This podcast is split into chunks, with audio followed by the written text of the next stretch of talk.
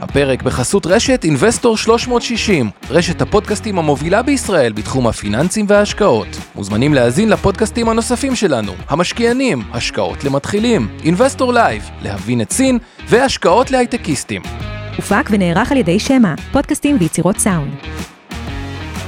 היום מה שהחלטנו, אחרי הרבה שיחות, אמרנו בואנה כבר אנחנו, כמה זמן אנחנו בתוך הפודקאסט? כמעט. תראה, בזומים קרוב לשנתיים, הפודקאסט התחלנו במאי 21, אז שבעה חודשים. כבר הרבה זמן, ויש הרבה אנשים שככה עוקבים כבר לא מעט זמן, אבל אף פעם לא יצא להם באמת להכיר אה, מי אנחנו.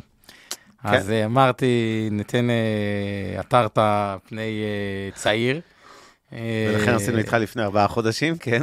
לא, עשינו ככה, אינבסטור ופה זה יותר ישיר, כאילו, ממש עליך. אה, קצת שתכירו את אבנר יותר אה, טוב, אז אה, נראה, אולי גם אה, תפתיע אותי, אני אכיר דברים שלא הכרתי.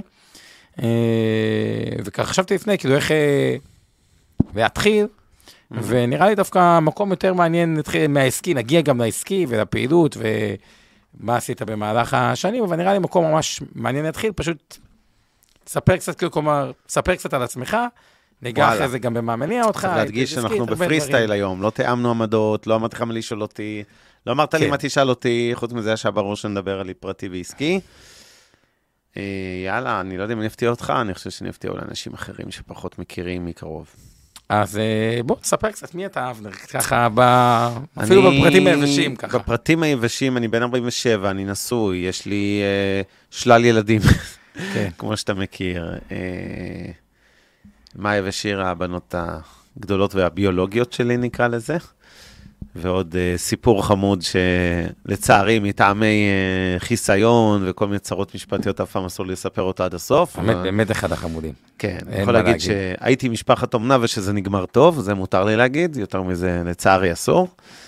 אז uh, יש עוד יצור uh, אחד קטן בבית, וחוץ מזה אני כבר שנים uh, אפוטרופוס על נער, שהיום פורמלית הוא חצה את גיל 18, אז הוא כבר לא uh, uh, רשמית, כן, הוא לא צריך אפוטרופסות יותר, אבל אני איתו מגיל 10, ויותר משפטית רשמית מגיל 15. Uh, וכן, אוהב אה. מקווה שעוד לא סיימתי את... אה, את פרק הילדים. כן. אני אני מכיר את אשתך, בוא נראה, מעניין אם היא שומעת גם את ה... היא- חושבת שהיא סיימה. היא חושבת שהיא סיימה, זה אני יכול להגיד.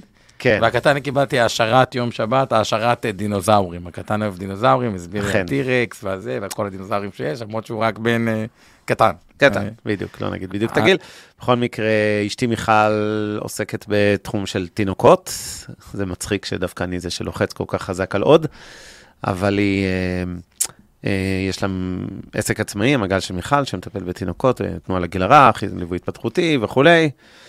הכרנו בגיל 15 שלי, 12 שלה, על הקרח, שזה כבר הגענו לעוד תחביב, אולי אחרי זה אני אשלח לך איזה סרטון שתראה מה אני עושה. שבוע הבא, אגב, יש אולימפיאדה בסין, אף אחד לא מדבר על זה, זה אולימפיאדת החורף, אתה יודע. כן, אז אה, אני כבר מתאמן הרבה זמן. באמת, אתם חייבים לראות את זה, אולי, אם- אני לא יודע אם זה ביוטיוב או זה, אבל אה, נראה כמו אוקיי, אני. בלרינה על הקרח עם סיבוב מטורף, שווה לראות, שווה עם צפייה. הטייץ השחור עם הטייץ השחור, והחצאית הוורודה. זה פחות, אבל כן. כן. כן, אז אני מחליק אומנותי על הקרח מגיל מאוד צעיר. אה, זה תחביב אה, ביזאר מספר אחד. לא ביזאר, אני מאוד גאה בו, אני מחליק כל שבוע איזה פעמיים. אה, חוץ מזה, בפינת התחביבים, משתדל לעשות די הרבה כושר, עוד נגיע לפרק הזה בחיי, כי לא תמיד הייתי ספורטאי מצטיין במרכאות, גם היום אני לא, אבל... והתחום האהוב עליי בעולם זה עולם האופנה. זה... אני תמיד אומר, שואלים אותי, מה היית עושה אם לא היית בשוק ההון? יש שני דברים. או עובד סוציאלי, כנראה את זה, או משהו בתחום האופנה, טרנדולוג, טרנדסטר, מישהו שמתעסק, ב... פחות המעצב במובן של עכשיו להיות אה, מעצב אופנה, אבל אני מאוד מאוד אוהב את השוק הזה, אפילו לכבודו הלכתי ללמוד קצת במילאנו, ב... אה, בית ספר מרנגוני, זה כזה בית ספר, אה, אחד הנחשבים לאופנה בעולם. אה, קורסי executive, לא תואר עכשיו בעיצוב, כן, אבל אה, נוסע ל fashion weeks מדי פעם. אה, הייתי chairman של זיקית, חברת אה, אופנה, טכנולוגיה בתחום האופנה, שנמכרה לוולמארט לפני כמה חודשים. כשהיינו בדבלין, אני אחרי זה חזרתי, עשיתי ספרד, לא משנה, כל מיני זה, ואבנר ישר, כן, אני עכשיו נוסע לשבוע האופנה בלונדון, או משהו שקשור כן, לאופנה כן. ב... בדיוק, אז, אה, אז אני כותב על זה הרבה, אני מאוד אוהב את זה. לצערי, אלוהים נתן קצת אגוזים למי שאין שיניים, אבל אה, בסדר, זה חלק מהעניין. אז אה, אפרופו שיניים, נזכרתי שיש לנו ג'ינגל. יאללה. השקעות למתחילים. אבנר סטפאק ועומר רבינוביץ' עוזרים לכם בצעדים הראשונים בעולם ההשקעות.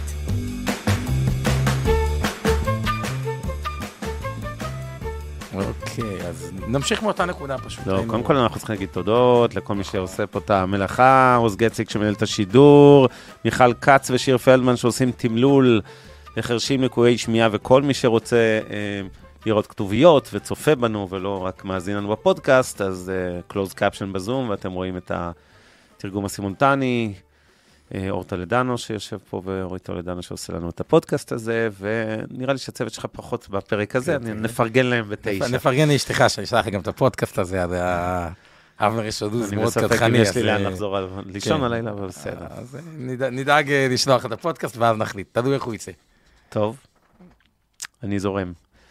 אה, זהו, מה אתה עוד רוצה לדעת?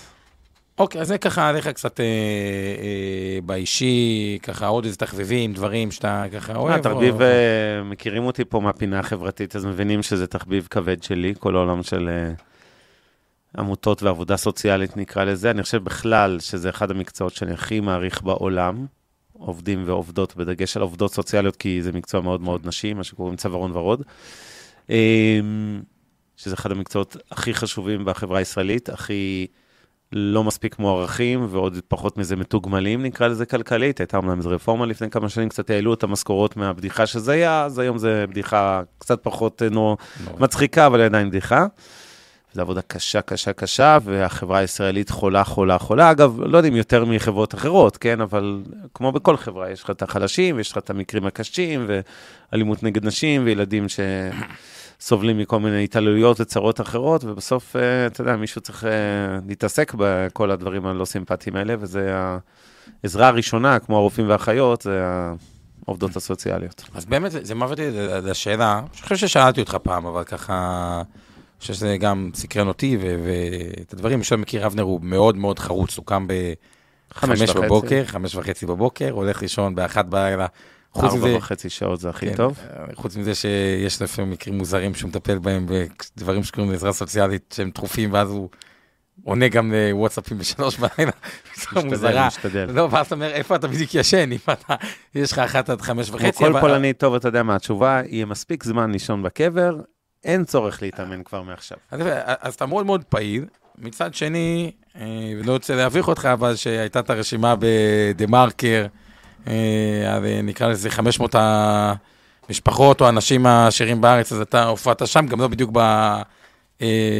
בתחתית. עכשיו, אני לא אומר את זה כאילו בהיבט של הקטע הכלכלי, אבל מן הסתם, אנחנו מתעסקים פה הרבה בחופש כלכלי, אז אתה די נמצא בחופש כלכלי. אז מה בעצם מניע אותך ביום-יום לעשות את כל העשייה הזאת? כאילו, מאיפה המוטיבציה? לקום מוקדם, ללכת מאוחר, לעשות כל כך הרבה. המוטיבציה העיקרית היא להשפיע על החיים של אנשים. עכשיו, איפה אני משפיע יותר?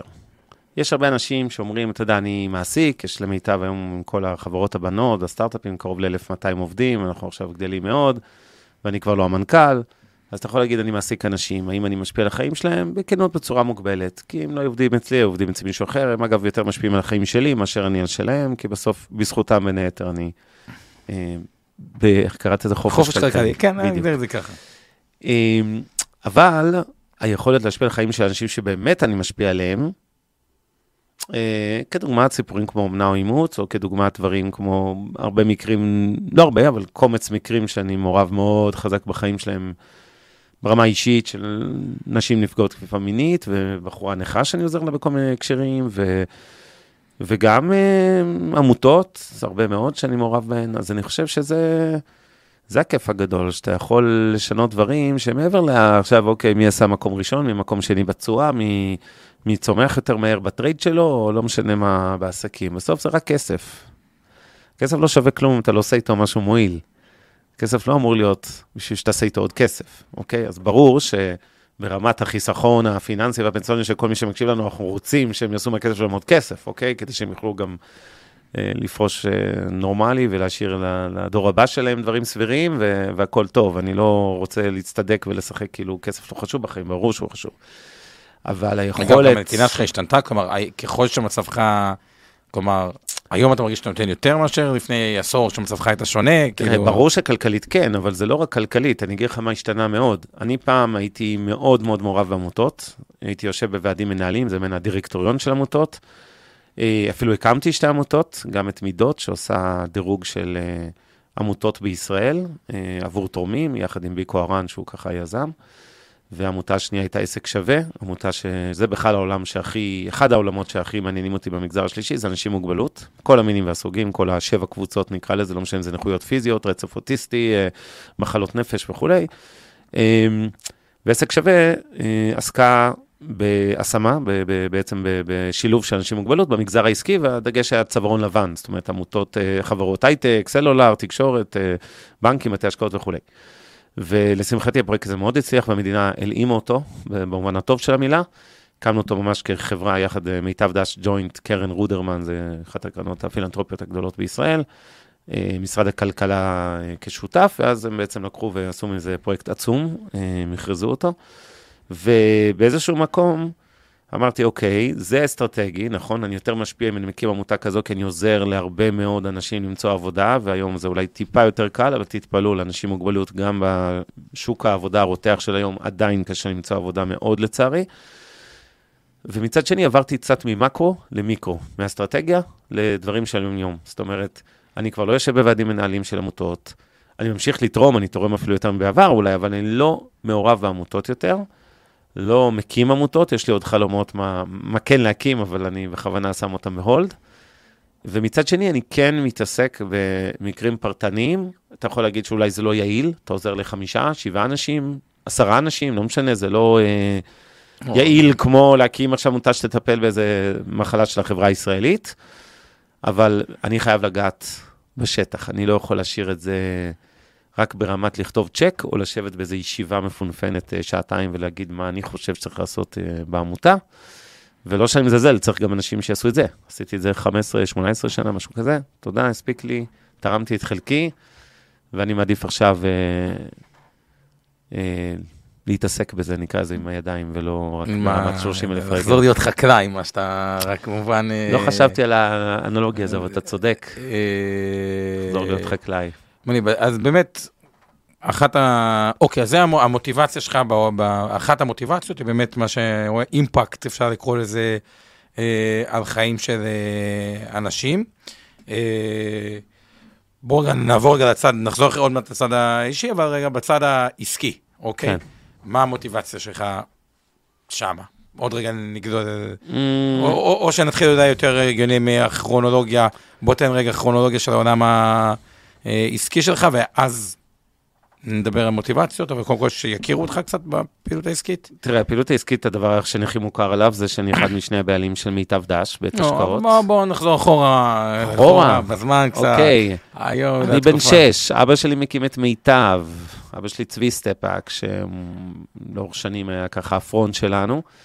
אה, ואני גדל ברמת גן, בשכונת הגפן, מי שמכיר, אה, בית ספר אה, גבעולים, היום אה, אחרי זה אוהל שם, אה, תיכון, ואני כל היסודי בחופשות וכולי כבר מתחיל לעבוד במיטב, בגיל 12 מתחיל להשקיע בבורסה. מאוד נדחף לזה, אגב, זה לא ממקום שאבא שלי היה דחף אותי בכוח, או נורא היה חשוב לו שהבן הבכור שלו ימשיך את העסק, או כל הנרטיבים שאנחנו מכירים מהרבה עסקים. הוא כמובן שמח שנכנסתי, אבל הוא לא ניסה בן אדם חכם, למסלל אותי לשם. הוא גרם לך את התחושה שזה. הרצון שלך, כן. ועד היום, אתה- אני דיברתי איתו, אמר לי, תקשיב, הגאונות שלי, שעד היום אבנר חושב שהוא. דחף את עצמו, כן. כן, אז דחפתי את עצמי, ואני מרוצה מזה, ובאמת בגיל מאוד צעיר, כל התיכון, כבר התחלתי להתעסק עם דברים, אתה יודע, ביסודי וזה, הייתי גורס אה, מסמכים לשקי ספגטי כאלה, אבל ב, ב, בתיכון התחלתי להיכנס קצת יותר לעניינים, דברים של שיווק ופרסום וכל מיני דברים שהם קצת יותר רציניים. ובסופו של דבר, אה, צבא, שלוש שנים הפסקה, הייתי בגדוד תותחנים, לוחם ב-403, גדוד כיפי, אחרי זה במילואים כל חיי אה, בגדוד נוסף, שפורק לא מזמן, ועדיין אנחנו בקשר כל החבר'ה. ושלוש שנים שהיו סוערות, יחסית היה בלאגן בשטחים, אחרי כל הטבח של ברוך גודשטיין, וכל מיני ענבי זעם בלבנון, אז ככה היה לי שירות מרתק בעיקר בשטחים ובלבנון, כמעט כולו. ואז אמרתי, אוקיי, אני צריך לה- להוכיח את עצמי, נכון? אם אני אלך לעסק של אבא, אז מה יגידו? כן, אה, אני זוכר, קראתי איזה כתבה שהיית, שהלכת לאילת משהו, וזה, אני מודה באשמה, היה לי איזה חלום, חזון, להקים מועדון רוק באילת. כן, משהו כזה. בשנות ה-90, צריך להגיד, סוף שנות ה-90, אילת הייתה... המוזיקה הייתה acid, house, כל הדברים האלה. אה, to say the least, היה קצת סמים בכל אה, מסיבה או מועדון שם. ואני חשבתי שיש דווקא מקום למועדון יותר רוק, אלטרנטיבי, ישראלי, nineties כזה, מיינסטרים, זה לא דברים שהיו הרבה באילת אז. ואמרתי, מגיעים המון תיירים מהצפון, וישמחו שיהיה להם מקום אה, כמו שמכירים את תל אביב. ו? התרסקתי. זה מצחיק, כי אתה יודע, באתי לשם, ילד נאיבי בן 21 וחצי, דקה אחרי צבא, יום אחרי הצבא נסעתי לשם, ואני אומר לעצמי, אוקיי, אני אתחיל ב... אני יכול לנהל את העסק הזה בשלט רחוק, אז אני לא צריך לשכור פה דירה, ואני לא צריך לגור פה, ואני אבוא פעמיים בשבוע, אשן לעצמי באיזה, תפנק באיזה מלון חמישה כוכבים, דן אילת, ונעשה קצת מחקר שוק, ונמצא מקום מסודר ונקים. ואחרי לא הרבה זמן, אה, אני מוצא את עצמי שא', מבין שאתה צריך להיות שם כל הזמן. אה, מלון דן לילד עם חיסכון של 100 ומשהו אלף שקל שהולך ונשרף על מועדון, זה לא אופציה באמת. ואז גיליתי שלאגודה למען החייל יש אה, כזה פנימי אכסניה לחיילים. אז גם כשאתה חייל משוחרר, אתה עוד יכול בשנה הראשונה או משהו כזה להמשיך לישון שם, אז לאט לאט הידרדרתי כזה מחמישה לארבעה לשלושה לאכסניה. אה, הייתי שם חמישה חודשים התעסקתי עם זה, ועד שהבנתי שאני נגמר לא בא הכסף, לי... כן. נגמר הכסף, עדיף שיגמר הכסף מאשר כן. החיים שלי, כי כן. זה לא עסק... אה, בוא נגיד, אתה לא פורש לפנסיה מלהיות בעלים של מועדון באילת, בטח לא בשנות ה-90, אתה או מגיע לכלא או, או מתחת לאדמה, תלוי כמה הצלחת להרגיז אנשים. ואז uh, אמרתי, יאללה, תקפל את הזנב, תעשה את מה שאתה באמת אוהב, באמת רוצה, עזוב אותך מהאגו, עזוב אותך שיגידו, טוב, זה חוכמה גדולה ללכת לעסק של אבא שלו, אבל הלכתי לעסק של אבא שלי, והצטרפתי למיטב פול טיים. תן לי רגע מה היה גודל העסק, הסקופ של אה, העסק. היינו עובדים בודדים. אני חושב ש... אוקיי, כשהייתי נער היינו ברמה של בין שלושה לשבעה עובדים. כשהשתחררתי אולי היינו 15-20, משהו כזה, היום זה כאמור 1,200. ומראש היה לי ברור שאני לא צריך ללכת לעשות בדיוק את מה, בש... מה שאבא שלי עושה, כי להפך, אנחנו צריכים קצת פיזור סיכונים, למי שלא. מכיר, אז מה אבא שלך עשה, אז מה... אבא שלי? תמיד היה איש המקצוע, מנהל ההשקעות הראשי, הבן אדם שמוביל את ההשקעות של הקרנות הנאמנות, ולימים אחרי זה של הגמל, ו... וכמובן הדמות השיווקית, המוכרת כרונולוגית, יותר. רק באיזה שנה זה היה, כדי שניישר את כולם? אנחנו בסוף שנות ה-90 כזה מדברים. 97 כזה, 8? אז 97 הוא מנהל השקעות הראשי, ואתה הצטרפת אז, לא היה קופות גמל, לא היה לא, לא, לא היה כלום, היו חברה היה קרנות לניהול תיקים נרחב. וקרנות, כן. כמה ניהלתם. אז? אה, אולי, היום אנחנו 220 מיליארד, אז היינו אולי... אפילו לא 1 אחוז, אה, עשירית אחוז, זה מאות מיליונים. מאות פחות מיליונים. ממיליארד, זה בטוח. פחות ממיליארד. לא רוצה להתחייב אם זה היה מאות 200 או 300, זה הסכומים זניחים. אז זה גם צריך להגיד בכנות, זה עוד לפני הימים שלפני רפורמת בכר, הבנקים שולטים בכל התעשיות האלה, אין, אין בכלל, המושג בתי השקעות פרטיים בקושי היה בחיתוליו.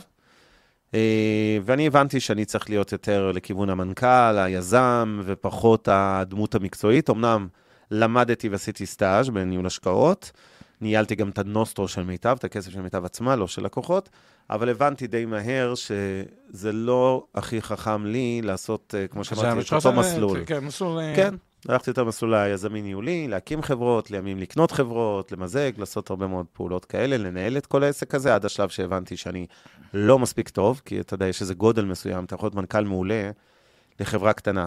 יש אנשים באמת, אלופים בלנהל 20-30 איש, או אפילו 200.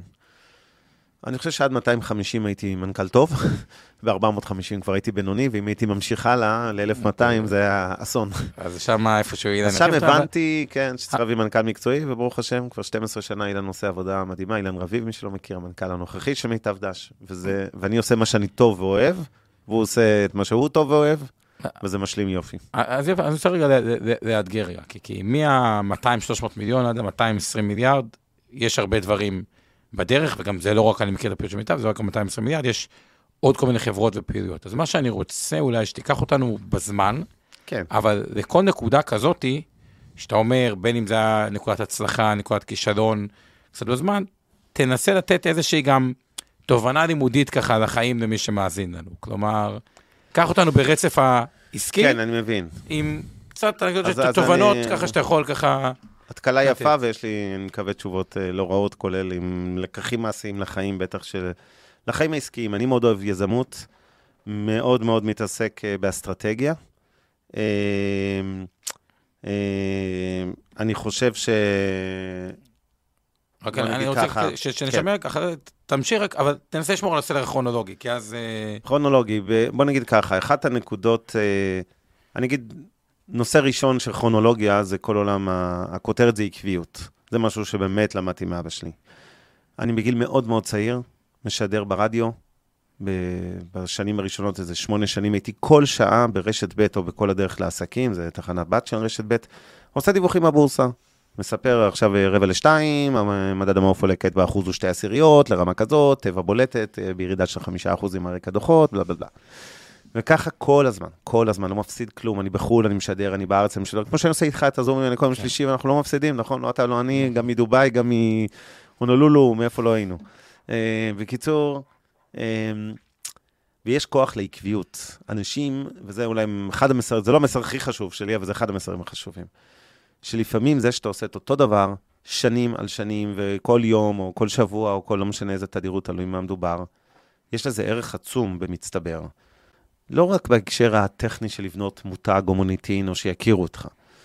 א', לי זה היה מצוין, כי זה אילץ אותי להיות כל השנים מחובר לשווקים.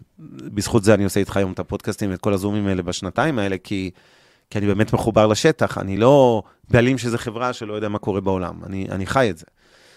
והתקשורת, אה, אגב, אני גם למדתי תקשורת באוניברסיטה, ולא כלכלה, הרבה אנשים כאילו מתפלאים, למה אתה הולך ללמוד אה, תקשורת, מה, לא תלמד כלכלה? אגב, אבא שלי למד היסטוריה בכלל, כן, אז זה עוד יותר רחוק. ואני תמיד אומר שיש כל כך הרבה דברים יותר רלוונטיים להשקעות בבורסה מללמוד כלכלה, תקשורת הוא אחד מהם, היסטוריה הוא אחד מהם אגב, ממש, אני חושב שאבא שלי הוכיח את זה הרבה מאוד אה, שנים בהרבה הקשרים. אבל אם אני חוזר רגע לכרונולוגיה, אז אני אומר, קודם כל, זה שהתחלתי בגיל מאוד צעיר, אפילו קצת לפני צבא, אבל בעיקר דקה אחרי הצבא, כמו שאמרתי, כל היום הייתי משדר את הפינות כלכלה האלה, הייתי אצל אה, עודד בן עמי שנים, בערוץ אה, 2 הישן, או ש... כבר היה 12, אני לא זוכר, אה, מדווח אה, סיכום היום בבורסה וכולי, וזה, המסר מזה הוא לא לכו להופיע בטלוויזיה ברדיו, אלא מה שאתם עושים לטובת העסק שלכם, זה לא משנה באיזה תחום. או אגב, לא, לא רק עסק, גם שכירים שבונים לעצמם את הקריירה, ומתחזקים מהצד, וזה לגמרי נורמלי ומצוין בעיניי. איזשהו קשר מקצועי עם קהילה, זה לא משנה אם זה קבוצה בפייסבוק או משהו בלינקדאין, אבל משהו שאתם עושים, אתם כותבים בלוגים בתחום עיסוקכם, זה, לא משנה אם אתה איש product בחברת הייטק, או אדריכלית, או מעצב פנים, או לא חשוב מה. אה, אני מאוד מאוד מאמין שזה אה, חלק מההצלחה של לבנות בן אדם, שוב, לא משנה אם אתה שכיר או אה, יזם, אולי אפילו ליזם זה עוד יותר חשוב. כמו שאתה עושה כבר שנים באינבסטור 360, אגב, כל אסטרטגיית התוכן שלך, כל, אני עוקב אחריך, עוד לפני שידעת ש, שאני, שאתה קיים, לפני שידעת שאני עוקב, זה בטוח.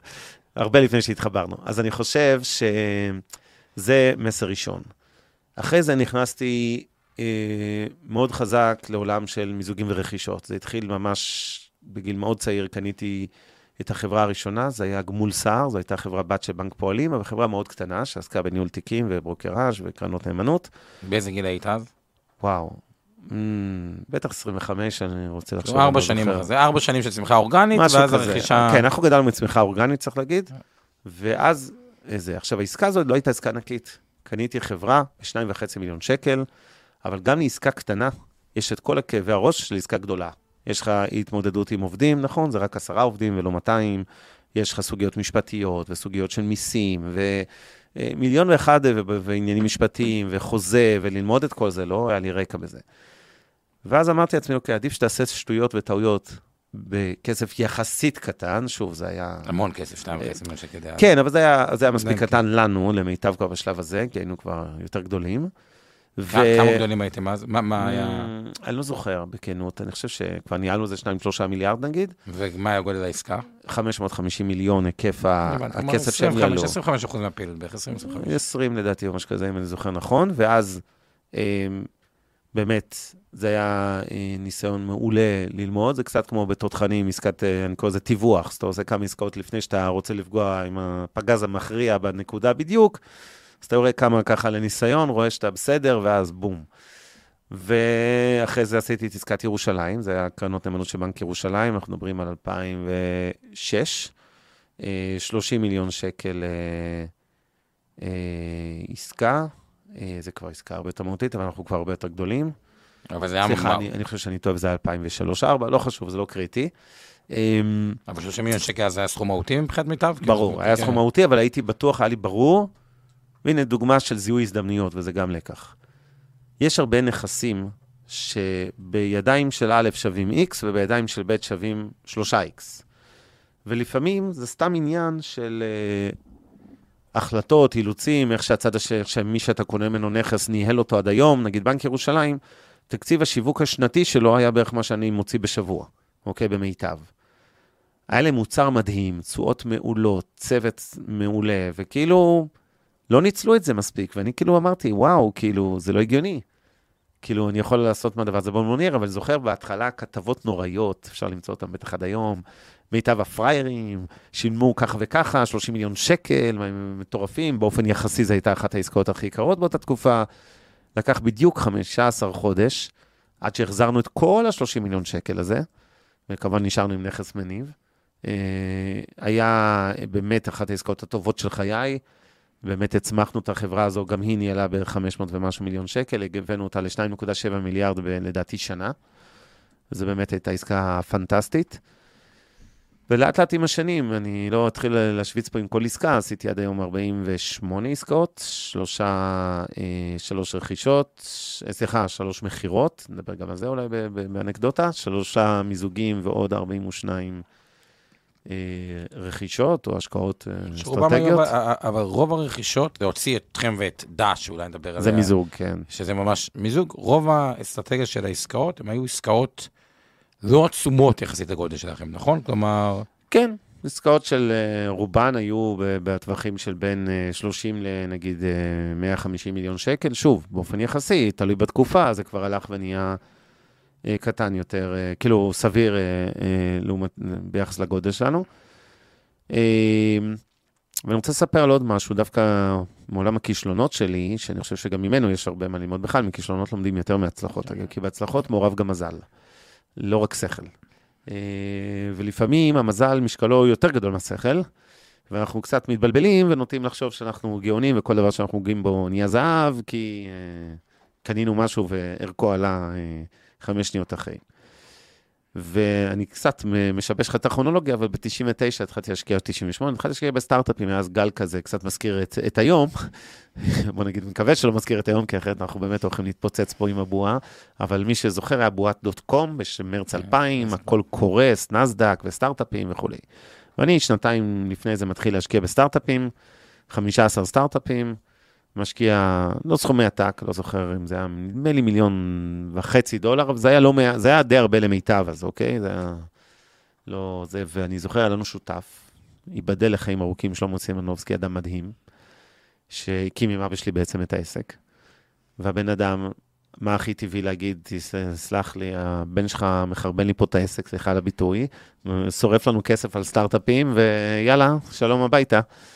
ודווקא הוא אה, גיבה ופרגן בצורה זה, ואמר, אתה תלמד מה, מהדבר הזה. מחקת את הכסף. אל תעצור. כן, זה מצחיק, כי לימים יצאו איזה שני אקזיטים במקרה, אז החזרתי את הכסף. אבל, אבל בוא נגיד שעשר שנים, בין 98 ל-2008, הייתי בטוח שהלך הכסף, אוקיי? כבר מזמן שכחנו ממנו. ושלמה במהלך, לא רוצה להגיד חכם אה, מבחינתו, כי, כי זה שחצני, אבל אני חושב שהוא לפחות אה, אנושי, זה בטוח. של לפרגן לי ולעודד אותי ולא לתת לי זה, כי אני אומר, הרבה פעמים אנשים נופלים מטעויות של עצמם, או כי הסביבה נותנת להם בראש, או כי הם נותנים לעצמם בראש. עכשיו, אני אדם מאוד ביקורתי על עצמי, אני לא ביקורתי אגב על אחרים כל כך, בטח לא כמו שאני מחמיר עם עצמי. אבל זה היה, אה, לי היה מאוד קשה עם זה, אני שורף פה כסף מילא, אתה יודע, גם למשפחה, גם לשלמה וזה. ו... ואני חושב שהדבר הכי גרוע שיכל לצאת מזה, זה להגיד, תתנזר מהייטק וסטארט-אפים, כי הנה, אתה, אתה כשל בזה, אתה לא מבין בזה כלום, אתה מפסיד כסף, כל דבר שנגעת פה, להבדיל משוק ההון, כשל. ואני חושב שאלמלא אז הדחיפה של שלמה, וההבנה שבסדר, יש מה ללמוד, יש לפק... אה, לקחים להפיק, למשל, אם אתה כבר משקיע בסטארט-אפים, תשקיע לפחות בטכנולוגיה, בתחום שלך, של שוק ההון. אל תלך להשקיע בחברת ציוד רפואי או בחברות אחרות שאתה לא מבין בזה כלום. אתה הרבה פעמים מטיף לזה שאנשים צריכים כן להשקיע בזה, כאילו, לא רק בדברים, אבל להתמקד גם בדברים שהם מצליחים להבין, ובטח אם יש להם ערך מוסף כי הם מתוך אותה תעשייה. ובאמת אה, הסבתי, הסבתי את ההשקעות שלי לשני עולמות, אני מדבר בחברות הייטק, אה, שוק ההון ואופנה, ושניהם רביתי נחת בלשון המעטה. אה, זה עולמות שמרגשים ומרתקים אותי, אבל זה מתחבר גם למסר הראשון שהעברתי של עקביות. חלק מעקביות זה גם לדעת לא להישבר גם כשאתה נכשל. אה, כן ללמוד, לא ללכת ראש בקיר, כמאמר איינשטיין, לעשות את אותו ניסוי אה, מחדש ולהתפלל למה אתה לא מצליח, באותם תנאים, כן. אבל, אה, אבל כן, גם ללמוד, לעשות, אתה יודע, סוג של ניתוח אירועים כזה בדיעבד. אנחנו עושים את זה, אגב, בדירקטוריון של מיטב דש, תמיד יש לי דוח כזה פעם בשנה, מנתחים כל העסקאות שעשינו בחמש שנים הקודמות, ואני, והרבה פעמים נותן לעצמי ציון נכשל על איזושהי עסקה, לשמחתי לא יצא, אולי מגזים הרבה פעמים, אבל מדי פעם, לא כל עסקה מצליחה. אבל אתה צריך גם אה, לעצור, להסתכל, להתבונן, ללמוד מזה, ו- ולשאול, אוקיי, מה אני עושה אחרת פעם הבאה, ואיפה טעינו, והאם טעינו, לפעמים זה, מזל אגב עובד לשני הכיוונים, יש גם מזל רע, הוא לא תמיד רק מזל טוב, לפעמים אתה קונה חברה, וחמש דקות אחרי זה יש לך איזו רגולציה נוראית שמחרבת את התחום העיסוק שלה, ואתה יודע, זה, מי שקנה חברת סלולר אה, חודש לפני שכחלון נכנס לתפקידו, אה, אתה יודע, לא יודע כמה הוא יכל לראות את זה מגיע. אה, זה חוכמה בדיעבד להגיד, הוא טמבל, הוא קנה חברה אה, לפני אה, קריסה.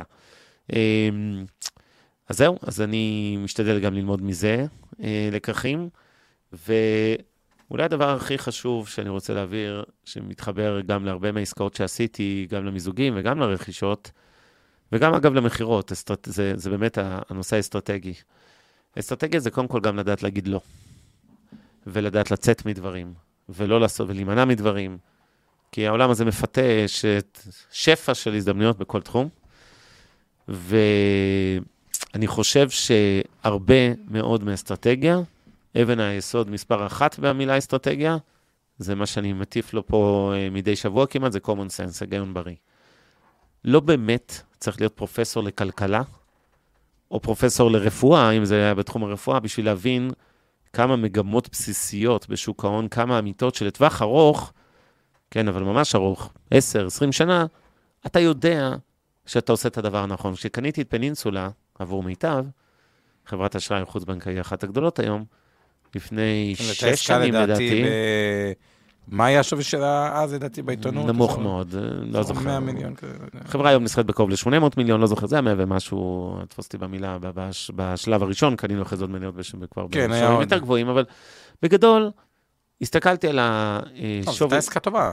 הייתה עסקה פנטסטית, אבל גם אסטרטגית. אבל אז כשקניתי, אז כולם אמרו, אשראי חוץ-בנקאי, שוק אפור, סיפורים, מה, בנקים, הנכס סיכוי, וזה. וכאילו, מצד שני, היה ברור שהשליטה העצומה של הבנקים בשוק האשראי לא תישאר ככה עוד 10-20 שנה. אז יכול להיות שיכולתי לקנות פנינסולה שנה קודם יותר בזול, או אולי חמש שנים קודם, או לא יודע מה. אבל עובדתית, אנחנו בית ההשקעות היחיד שקנה חברת אשראי. אחרי זה גם חברות הביטוח עשו אה, עסקאות, מנורה קנתה את אמפה ופניקס את גמא, לא זוכר מתי okay, כן, כן. בדיוק, אבל בגדול, זה לא היה... אנשים כאילו הרימו גבה. ואני חושב שהעניין הזה של אה, באמת לראות אסטרטגית שוק מסוים, עם, עם הבנות, תובנות מאוד בסיסיות. אני אתן דוגמה למחר בבוקר לכל מי ששומע אותנו זה. קחו אנרגיה ירוקה. תסכימו איתי שעוד 20 שנה נפט יהיה מוצר שולי, לא רוצה להגיד אם קיים בכלל, אני מהפנאטים שחושבים שהעולם הזה ייגמל לגמרי מנפט, אבל בוא נגיד שאני אפילו טועה, וכל האנרגיות הירוקות שהן בין 5 ל-13 אחוז, תלוי באיפה אנחנו מסתכלים בעולם היום, אה, לא יגיעו ל-100 אחוז, הם יגיעו רק ל-60, 70, 80 אחוז מצריכת האנרגיה העולמית. תחת ההנחה הסבירה הזאת, שאני חושב ש-90% ממי שמקשיב לנו או רואה אותנו עכשיו יסכים איתה, אה, אז סביר להניח שיש לנו, אה, שהשקעה בתחומים האלה כנראה לא תהיה דבר רע. עכשיו תגיד לי, רגע, אבל אנרגיה ירוקה, אולי זה עכשיו יקר, כי בבורסות וזה. אני אגיד לך, זה גם לא משנה. זה היה משנה אם אתה משקיע לשנתיים, שלוש, זה לא משנה אם אתה משקיע ל-20 שנה, אוקיי? גם, גם אם בדיעבד נכנסת בנקודה קצת גבוהה, נניח, אני לא בטוח שזו נקודה גבוהה, אבל נניח, לשם הדוגמה, בראייה ל-20 שנה אתה תעשה הרבה כסף. ואם קנית חברה בתחום, לא משנה אם זה לפאנלים סולאריים או ל... לא משנה מה אפילו כמעט, אם אתה לא טמבל, אתה כנראה תעשה הרבה כסף. וזה נכון לגבי כל תחום שתחשבו עליו, ממכוניות, כמובן אף אחד לא יכול לקנות אולי לא, את הטסלה כן, הבאה, אבל- אתם מבינים מה אני אומר.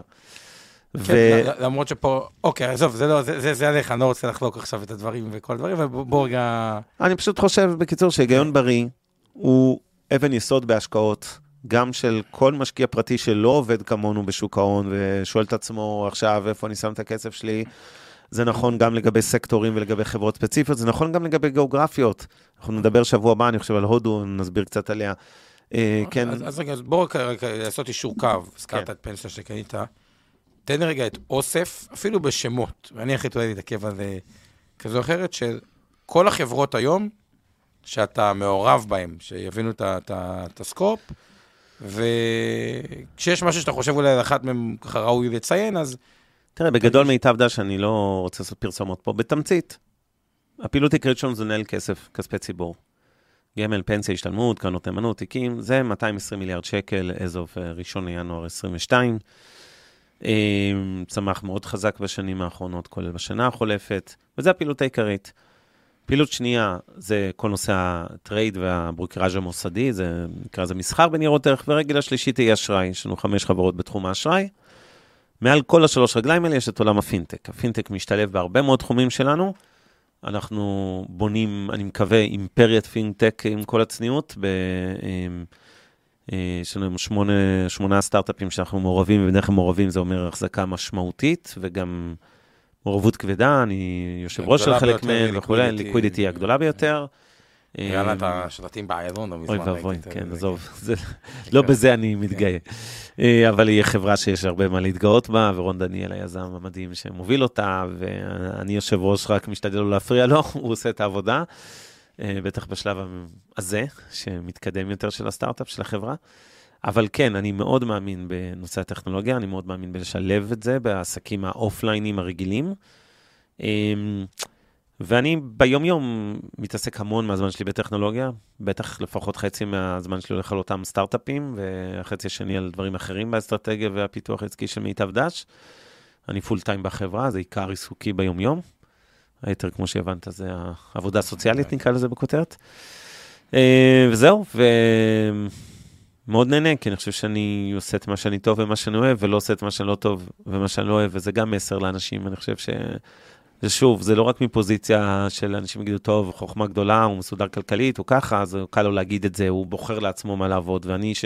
כן, למרות שהתחלתם, לא הייתם כזה... לא, ממש שהתחלת את לא. מיטב, הייתם, אבא שלך עוד היה מורה, כאילו... מורה, זו הייתה פרנסה עיקרית, אגב, רוב השנים של העדות שלי, אבא שלי לימד בקוגל בחולון, לימד באנקורי בתל אביב, אה, אבל משלב, עבד במיטב היה לא חנות מכולת, היה חנות מכולת שמפסידה כסף, אה, ש- שהיה צריך לעבוד בהוראה כדי לממן את הדבר הזה. הוא עצמו נולד בבית אה, הרבה מתחת לממוצע, נקרא לזה. ואני חושב שבאיזשהו מקום, אה, מתי מיטב התחילה להיות רווחית? כאילו... אי שם בשנות ה-90, בטח 92-3, את מתחיל להיות רווחית, אבל עדיין זה היה במספרים של חנות מכולת. בוא, עד סוף שנות ה-90 זה לא היה שום דבר דרמטי. כלומר, אפשר להגיד, העסק בעצם הפך לעסק יותר ב-22 שנים אחרונות. לפני שנת כן. 2000 אה, אפשר להגיד- ו-2003 כן. 2003 היה נקודת הכי מפנה, כאילו, חיובית, 19 שנה אחורנית. אמ, וזהו, וכאילו, אני חושב שבאיזשהו מקום, ה... הבחירה, אני חוזר לנקודה הזאת של אנשים ש... אני מאוד... אנשים, ואני בכוונה מדבר עכשיו לא על אנשים שירשו כסף או עשו כסף, ו- ובאמת יש להם את החופש לבחור מה הם רוצים. אני חושב שגם, זאת אומרת, אני חושב שגם לאנשים ש... ש... עובדים, עבדו ויעבדו אולי כשכירים כל חייהם, חלק זה אגב מבחירה, זאת אומרת, יש אנשים שפשוט לא מתאים להם כאב ראש של להיות יזם ולא הסיכון ולא ה... כאב ראש זה לא כל דבר שם נגמר בסיפור הצלחה, כמו שיודעים, כמו שבסטארט-אפים 95% נסגרים, אז גם העסקים רגילים, אה, לא 95, אבל רוב העסקים לא, לא שורדים. ו, וזה הרבה כאב ראש. אבל אני רוצה להגיד גם לאנשים שהם שכירים, ולא משנה באיזה תעשייה אתם. אה, עד גבול מסוים, גם לכם יש את היכולת לבחור, אוקיי? אנשים בוחרים אה, מקצוע, בוחרים, עזבו מה ללמוד, זה ברור. אה, היום אני חושב שהעולם הוא קצת יותר אה, מאפשר, נקרא לזה מעברים בין אה, סקטורים, בין תחומים. אם ניקח לדוגמה את תעשיית ההייטק, שנים הייתה סגורה לרק מי שלמד בטכניון או אוניברסיטת תל אביב במדעי המחשב, היום המון המון מהעובדים מגיוסים החדשים, מעל 70 אחוז אגב, הם לא אנשי תוכנה, הם לא אנשים שכותבים קוד. אז פתאום בן אדם שעבד שנים, לא משנה אם זה תעשייה אווירית, או בבנק, כן, או בבית השקעות, יש לו... כדורגל שהיה סיפור מקסים אגב. ש... לא, היה אה, אחראי מטבח במסעדה, כאילו שף. אה, ותשמע, לא היה, לא שישי, שישי בבית, ארבע שנים, והיום הוא דאטה אנליסט באיזה חברה. התחיל, התקדם ואת הדברים האלה בחברת הטק, כאילו, עשה את השינוי, זה די, אה, די השראה, בגיל לא כזה צעיר, 40 בערך. כן, יש אנשים שעושים uh, זה. Uh, אני חושב שיש שם את היכולת יותר לעבור, ושוב, שלא יובן לא נכון, אני מאוד מעריך את זאת שבחרה להיות אחות בבית חולים, במיון, או את זה שבחר להיות עובד סוציאלי, בידיעה מראש שהוא לא ממקסם, או היא לא ממקסמת את הפוטנציאל ההשתכרות שלה, נכון? זאת אומרת, זה לא מקצועות שאתה תצא, תפרוש מהם עשיר. ו... ומצד שני, הסיפוק בהם, אני לא בטוח שהוא יותר נמוך מהרבה מקצועות אחרים, שאנשים אולי עושים הרבה יותר כסף, אמ, אבל חוזרים עם פחות סיפוק. אני לא יודע אם לעבוד למשל בתעשיית הגיימינג, במושג הפחות מכובס, as in אה, קזינואים וכולי, לא מדבר על אה, אלה שבאמת נטו עושים היום משחקי ילדים, גם על זה אפשר להתווכח, אבל זה בוא נגיד פחות הרסני. אבל אם עשיתי את הכסף שלי כמתכנת בחברת גיימינג אה, של, אה, לא יודע מה, קזינואים או פורנואים או דברים כאלה, אז אני אמור לסתובב יותר גאה בעצמי מאשר אם אני אה, אחות או עובדת סוציאלית, לא חושב. ו... ובאיזשהו מקום גם, כאילו, אני מסתכל על הילדים שלי, על הבנות שלי, ועל כולם, כאילו, באמת, ממש לא מנסה לכוון אותם לשוק ההון או לעסקים, ואם הם ילכו לבחור במקצועות כאלה, אני אהיה מאושר. אה, שיעשו קודם כל מה שהם רוצות, כן, רוצים, רוצות.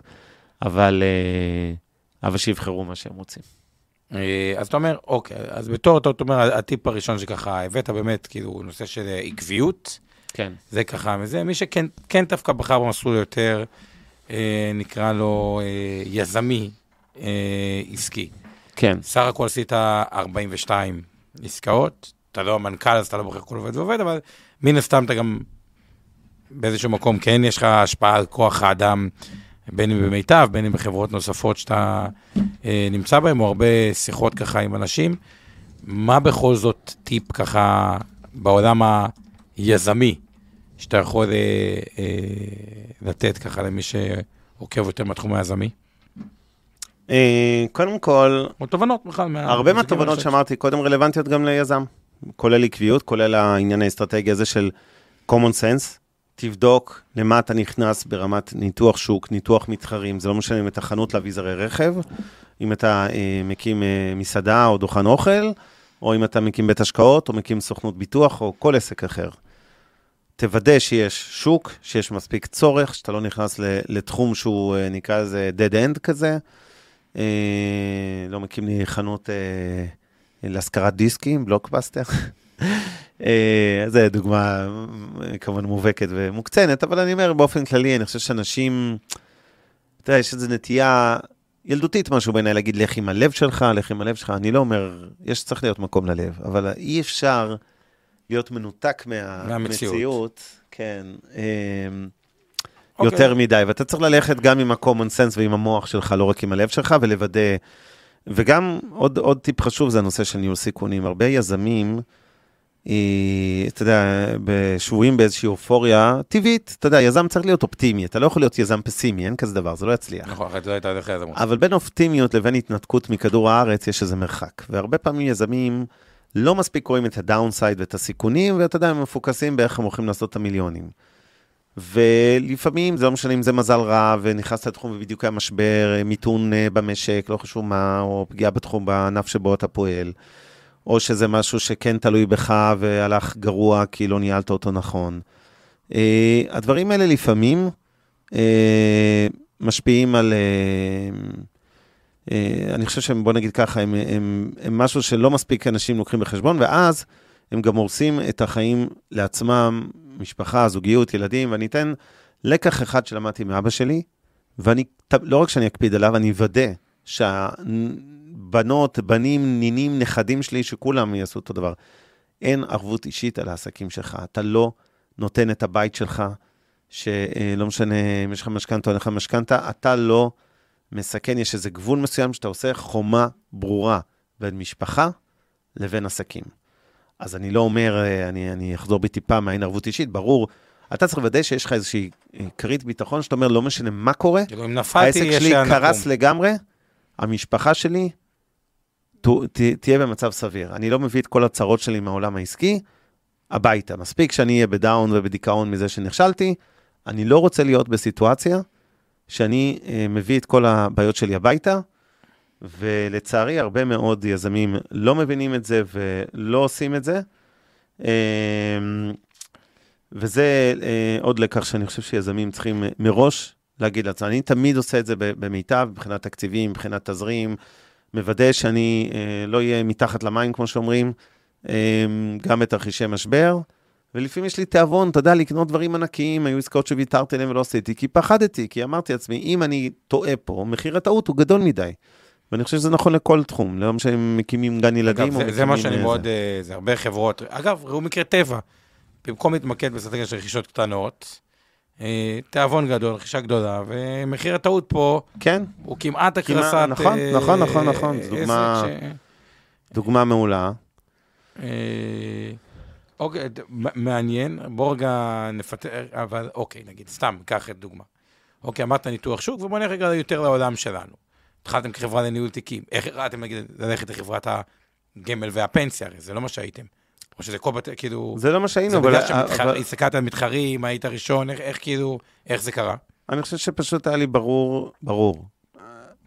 מתי הקמתם את... אה, 2003. הסינרגיה הייתה מאוד גדולה. אה, זה עדיין לנהל כסף.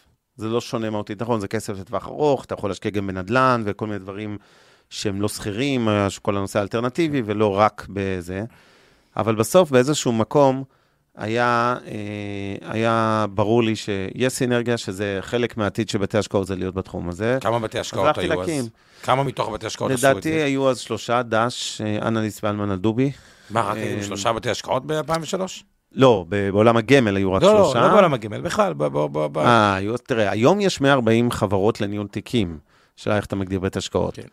יש לתיקים. 15 נגיד גופים גדולים היום, אוקיי? לא, אבל או ה- בינוניים אז. הבנתי אפילו היו יותר חברות מאשר היום. כן, כי היו, היו המון גופים, חלק אנחנו רכשנו בעצמנו, אה, כמו אפריקה ישראל בית השקעות, היו- וגאון, היו וישיר מא- של ביטוח היו ישיר. מאות ו- גופי ניהול. אה, לא מאות, אבל לא, כמות חברות ניהול התיקים לא הייתה הרבה יותר גדולה. מה שהשתנה זה דווקא הגופים הבינוניים, הרבה מהם נבלעו, גופים שניהלו נניח בין מאות לא יודע, מיליונים למיליארדים, אבל כמה גופים החליטו, נגיד, ללכת לעולם הפנסיה והגמל? בודדים. מתוך המאה ומשהו. לא, היו, בשיא היינו לא, לא חברות ביטוח, אלא אה, בתי השקעות פרטיים, היינו משהו כמו, אה, אני רוצה להגיד, אה, נניח עשרה גופים, בתי השקעות, ועוד, כן, היה עוד תמיר פישמן אז, וכל מיני כאלה, ואינפיניטי. אה, אגב, ו... אתה- כן, מה לא, אגב? אתה- אתה- אתה באופן אישי עוקב אחרי המתחרים שלך, נגיד, מה הם עושים? בשוק? אמ, כן, מאוד. אני קמ"ן כזה של מיטב. אה, חד משמעית. אה, תן לי משהו שלמדת, נגיד, אז מתוך מתחרה, כאילו שככה, זה קצת... אה, לא, קודם כל, אני, אני למדתי, וזו עוד תובנה גם ל, ליזמים וגם למנהלים מנהלות שכירים אה, בחברות שבסוף אה, כולנו בעולם תחרותי, אה, אם אנחנו לא עובדים באיזה מונופול. ואני אגיד ש... אה, אני, אני מרגיש שצריך, יש לפעמים, היום היה לי שיחה כזאת עם יזמים שאני, שמיטה מושקעת אצלם. וסיפרתי להם על איזה מיזם מתחרה שככה נחשפתי אליו, אז הם אומרים לי, מתחילים ישר, זה לא מתחרה אמיתי, זה לא ככה, ומסבירים לי למה אנחנו פי אלף יותר טובים. אמרתי, חבר'ה, הזכיחות הזאת שלכם היא מסוכנת, כי אם אתם מראש מחליטים, בלי שאתם באמת מכירים לעומק את הסיפור, זה איזה סטארט-אפ מתחרה, נקרא לזה, לא מתחרה, אבל באזור, אם, אתם לא יכולים לזלזל ככה במתחרים, אז אני לא מזלזל באף מתחרה, יש כאלה שאני מעריך יותר, יש כאלה שאני מעריך פחות, יש כאלה, אני לא אגיד שמות, יש אחד שמבחינתי זה גנב ונוכל ורמאי, אבל... לא, אבל אה, לא, לא, ברור שאני לא אגיד, אל תדאג, שומר את זה לעצמי. אני כן אגיד שאני מסתכל על, ה, על הגופים ואני אומר, אוקיי, אה, מה אני יכול לעשות יותר טוב? למה הם עושים את זה ומצליח להם ואני נגיד לא, או דברים כאלה? כן, יש גם מה ללמוד ממתחרים, ואני חושב שזה זה איזושהי צניעות מינימלית שכל אחד צריך לעצמו להניח שאתה לא הכי טוב בכל דבר, שיש גם כמה דברים שאחרים עושים יותר טוב ממך, ולא יזיק אם תלמד גם מאחרים, גם אם זה מתחרים שלך ולא אה, מתחומים אחרים. אז אתה אומר, דווקא, אגב, זה משהו שאני מאוד אה, גם מאמין בו. כלומר, לא, לא, לא לפ... כאילו, לא צריך להמציא את הכל. כלומר, הרבה פעמים זה מישהו צריך כאילו להמציא את הכל, זה בסדר. אה, תדעו, מה שנקרא copy-paste with אה, improvements, עם שיפורים אה, וכו', זה חלק מה... אתה יודע, במקומות שצריך, כמובן שיש איזשהו משהו שגם צריך להביא מעצמך. אגב, מה המוטיבציה שלך לתוכנית? כי כשהתחלנו, כן. כן. מעניין. התחלנו, זה אמרנו צריך להצמיד, אבל כאילו מה... וגם אז, גם, אני זוכר דווקא את ההשקעות למתחילים, הפודקאסט שאנחנו עכשיו, אתה אפילו יותר אה, אה, דחפת אליו שככה נעשה ונמשיך. כן. כן. מה, מה המוטיבציה פה? מה הערך שאתה חושב שזה מביא? תגיד מי שעוקב תשמע, אחרינו, מה... אני, אני לא אשקר, כל הפודקאסט הזה וכל הוובינר הזה, התרומה שלו למיטב דש היא זניחה, בסדר? עם מיליון וחצי לקוחות. אני לא רוצה להפריז בחשיבותי והזום הזה וכמה זה תרם למיטב. אני בטוח שיש גם לקוחות שהצטרפו, ואולי לקוחות קיימים שאמרו, וואלה, אה, התרשמנו, אז אה, נישאר. אבל בגדול, אה, זה pure fun מבחינתי. ואני אוהב, אתה יודע, הנושא של חינוך פיננסי, אני שנים לימדתי, לא, לא הזכרנו את זה, התוכנית לקראת סיום, ואנחנו, ואתה יודע, קשה לסכם, אני גם לא רוצה לסכם, לא רוצה לסכם, רק התחלתי. אה, אבל אה, אני שנים לימדתי. לימדתי אה, במקיף יהוד, אה, כיתות י"א-י"ב של חרשים, זה תיכון עיוני, רגיל, שיש לו 16 כיתות בשכבה, ויש שם כיתת חרשים, וככה הגעתי גם לעולם של אנשים עם מוגבלות, ככה היה אצלי הרבה שנים, הרבה מאוד חרשים שעושים את כל הצ'אטים והשירות לקוחות של הגמל. ו... אפילו בן של אה, לקוחה שלי שם. וואלה, כן, כן. טוב לדעת. בקיצור, אה, לימדתי גם כיתות ה'-ו' בבית ספר יסודי, שוק ההון אני מדבר, לא לימדתי היסטוריה ומתמטיקה. והבנתי שאפשר ללמד, אה, הבנתי שזה אולי הטעות האסטרטגית, אחת הגדולות של המשק הישראלי, זה העובדה שהחינוך הפיננסי בישראל הוא מתחת לכל ביקורת. זאת אנשים גומרים י"ב, הם יכולים ללכת, אה, לא יודע מה, ל-8200, או יכולים ללכת ל... ל, ל באמת, הם לומדים הרבה דברים נורא נורא שימושיים, כמו משוואות בשלושה נעלמים, אבל הם לא יודעים מה זה בורסה וכסף והשקעות וחיסכון פנסיוני. ונכנסים לצערי מאוחר מדי, אחרי שהם עושים גם הרבה מאוד טעויות אה, שמשפיעות דרמטית על העתיד שלהם. אבל העיקר שהם יודעים אה, לבדוק עגבניות בסופר, ולעשות אה, חמש כפול שבע, ואת לוח הכפל בעל פה, ועוד כל מיני דברים חשובים נורא. אה, חשובים מאוד. וזהו, וזה מבחינתי סוג של שליחות שאני... יום אחד אולי נמסד אותה אפילו יותר אה, גרנדיוזית מזה, לאו דווקא ברמה האישית של שנינו, אלא ברמת מיזם לאומי יותר, כי אני יודע ששנים אה, רשות ניירות ערך ומשרד האוצר מנסים לקדם את הנושא הזה של חינוך פיננסי, אבל אה, לא בגללם, אלא ענייני תקציב וסדרי עדיפות של ממשלות אה, מתחלפות, שמים את זה בצד. וזה חבל, כי באמת, אני לא רוצה, זה יכלה להיות מקפצה אדירה למשק הישראלי, גם תהיה, פשוט חבל על כל השנים שמדינת ישראל לא משקיעה בתחום הזה, אז בקטנה אנחנו עושים את מה שאנחנו יכולים, שזה זה, הזומים, הפודקאסטים, ה- להעביר ידע, נקרא לזה הלאה, וגם אני מקווה להמחיש לאנשים שמה שאנחנו עושים זה לא מדע גרעין, ובאמת, נכון שיש הרבה ידע פה, אבל זה לא שום דבר שאי אפשר אה, אה, ללמוד. אה, ולעשות, אה, וזהו. אז אה, ככה אנחנו דקה, יותר נכון, דקותיים או דקה מסוף ה... וואלה. קודם כל היה ממש אה, מעניין, אז ככה, את הדקה האחרונה, אני רוצה שנקדיש, או שתראה ככה מה שכתוב בצ'אט, כי אתה פניס, אז אני לא יכול לראות מה אתם כותבים ככה שאתה רוצה להתייחס אליו, או בדקה לסיום משהו שאתה חושב ככה, לסיום, שאתה רוצה להגיד לקהל, למי שמאזין אלינו, בין אישית, עסקית, הדברים, או ככה, דקה אחרונה, יש לך, שלך. אז, אז קודם כל, לפני הדקה, במסגרת הדקה, אני רוצה לראות שני דברים. אחד, אני אשוויץ, זה לאולימפיאדה בשבוע הבא בסין, מי שלא עוקב, אז uh, יש לכם נתיין נאמן. אה, היה הפודקאסט שלנו? ראיתם את צופה אבנר? הפודקאסט, מחליק אומנותי על הקרח. ראיתם את אבנר עושה איזה מיליון כן. סיבובים בכמה והדבר השני, הלך לקרח. הדבר השני, אפשר למצוא את זה איפשהו? יש איזה יוטיוב? אה? בפייסבוק שלי, כן, לא. פייסבוק של אבנר, מי שככה מתעניין. והדבר השני זה התמונה הבאה. התמונה הבאה זה אני אה, לפני 13-14 שנה, במשקל בטח 160 קילו. כמה אני פה, אני לא זוכר, תגדיל. עם הבת שלי. וואי, שמע, אתה לא דומה לעצמך. אני לא דומה לעצמי. ואני רוצה להגיד משהו על התמונה הזאת. הרבה אנשים... קודם כל היה לך שיער, אבל גם היה לך עוד כמה קילוגרמים. כמה, לא, אם זה היה מהפרופיל, אנשים פה היו בכלל אה, זה. ואני אגיד משהו על זה. אה, אני לא נולדתי אדם שמן. אני נולדתי רזה, הייתי רזה, הייתי אפילו די ספורטיבי, והתגייסתי לקרבי, וסיימתי שלוש שנים, ועדיין אני רזה. ואז פתאום, עם הלחץ של לימודים, אוניברסיטה, עבודה והכול, פתאום מ-0 ל-100 בארבע שניות, מוצא את עצמי ב-160 קילו. כמה כמעט שנים זה. לקח? הייתי 13 שנים מחיי, אדם סופר שמן. ויום אחד החלטתי שאני עושה את הניתוח הבריאטרי, מה שנקרא, שבול, קיצור קיבה, בשמו הפחות מכובס. וזה הצליח, והנה אני עשור אחרי, ואני בסדר, אני לא שכיף, אבל אני, הכל בסדר. וכמה ירדת, אפשר? כמה אתה היום? נגיד ירדתי 70 ועליתי 10. אה, אני היום 96 לדעתי, או משהו כזה, כאילו בשפל הייתי 86 או משהו כזה, ובשיא 160. ו... וזהו, הורדנו את התמונה, אני יכול להפסיק איזה. אה, וגם מזה למדתי הרבה מאוד. אה, ואני לא מתבייש בזה, אגב. אני, אם היית שואל אותי, אז לא, לא פגשת אדם בדיכאון כשראית אדם אה, במשקל, אה, עודף משקל כל כך חריג. אה, ואני חושב שבאיזשהו מקום זה גם גרם לי אה, לשנות את תפיסת המציאות שלי על בכלל מראה חיצוני, וכל נושא הביטחון העצמי, והבנתי כמה זה לא חייב להיות קשור למראה חיצוני, למרות שהורדתי במשקל, אולי קל לי לדבר יותר, אבל זה לא נכון. אני עדיין בראש, כמו כל אדם שהיה שמן ומכיר את זה, אנחנו כת השמנים, אנחנו תמיד נהיה שמנים, לא משנה מה באמת המשקל האמיתי שלנו. אמ, ומצד שני, זה לא בריא. אז אני אה, שמח שעשיתי את מה שעשיתי, את כל המסלול הזה. אמ, שזה גם אגב הרי עקביות והרבה מאוד דברים. אה, כן, כן, אנחנו יודעים שהרבה פעמים אנשים שעושים, אה, כולנו מכירים את זה, את הדיאטות, אה, כל מי שסובל מעודף משקל ועושה את כל הדיאטות האלה, שהוא מצליח, והוא מוריד פתאום 15-20 קילו, ושנה אחרי זה הוא מעלה אותם חזרה, ופינג פונגים.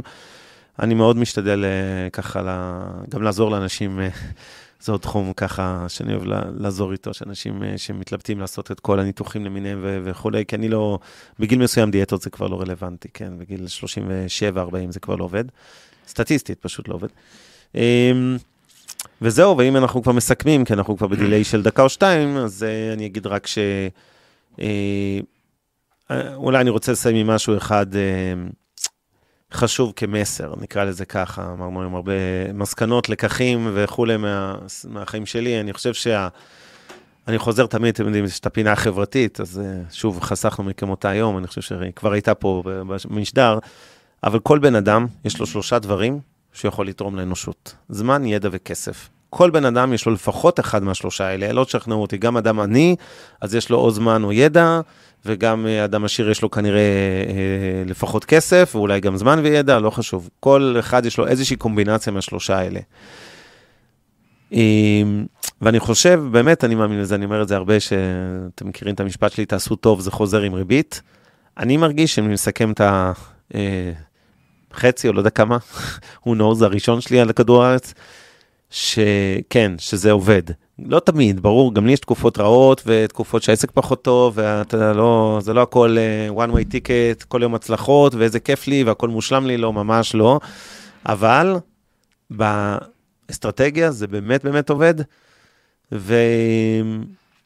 וזה מה שאני חושב שאנשים, כאילו, לצערי, בעולם המודרני, עם כל תרבות השפע, ועם זה שאנשים נורא מרוכזים בעצמם, ובקריירות שלהם, ובכסף שלהם, ובעוד נסיעה לחו"ל, ובעוד טסלה, ובעוד לא יודע מה, צריך קצת אה, לעצור, להסתכל ימינה ושמאלה ולעשות דברים טובים, כי בזמן שאתם, טוב לכם אולי, ואתם פורחים בקריירות שלכם, או עשיתם אקזיט בהייטק אה, במקרה הקיצון, או סתם אה, התקדמתם בעבודה ואתם תפקיד בכיר בחברה כזו או אחרת, תסתכלו קצת ימינה ושמאלה, תאמינו לי, חמש דקות מכל אחד מאיתנו, כולל בערים הכי יוקרתיות בשרון ובמרכז, יש שכונות מצוקה ויש אנשים שאין להם ושלא הולך להם ושלא יודע, החיים שלהם התאכזרו אליהם, ואנשים, לא משנה אם זה מוגבלויות או נפשיות או אחרות, או, או, או סתם דברים אחרים, זה יכול להיות עוני, זה לא חייב להיות, זה, זה באמת לא חסר צרות על כדור הארץ, תנסו לעזור ולשפר את המצב. אה, אז אוקיי, עם האווירה האופטימית הזאת נראה לי נסיים ונעבור לפודקאסט. השני הסופר מעניין, לכל מי שהצטרף אלינו, רק אני ממליץ בחום, עשינו פודקאסט על אבנר, גם כבן אדם, על העסקי, קצת, ה... קצת מיטב, כאילו העשייה שלו, אבל היה פה מלא תחומים. טוב, יאללה, אנחנו צריכים להיפרד, אז תודה לכולכם, תודה לצוות שלך, עמי ארביב, אור חלמיש ואורן ברסקי, תודה לאורית טולדנו משמע, שעושה לנו את הפודקאסט, תודה לעוז גצליק ממיטב דש שמנהל את השידור, ואנחנו רוצים להודות למיכל כץ ושיר פלדמן שתמללו אותנו היום, לאיתן גרבר שעושה לנו תרגום לשפת הסימנים לחרשים ולקויי שמיעה, ניפגש ב All-In ישראל יום חמישי הזה, מחרתיים בדיזנגוף סנטר בשעה שש בערב, תודה ושבוע מצוין. מעוניינים ללמוד יותר על עולם ההשקעות? האזינו לפודקאסטים נוספים שלנו. המשקיענים, אבנר סטפק ועומר רבינוביץ' בתוכנית אקטואלית עם כל מה שחם בעולם ההשקעות. אינבסטור 360 לייב, אורן ברסקי ועומר רבינוביץ' מארחים את בכירי שוק ההון ומבינים את הטרנדים החשובים לשנים הקרובות. להבין את סין עם יובל ויינרב, עם כל מה שרציתם לדעת על הענקית מהמזרח. השקעות להייטקיסטים עם צח איציק, שיבנה איתכם תוכנית כלכלית להגשמת החלומות שלכם, והפודקאסט ההשקעות למתחילים, לכל מי שעושה את צעדיו הראשונים בעולם ההשקעות.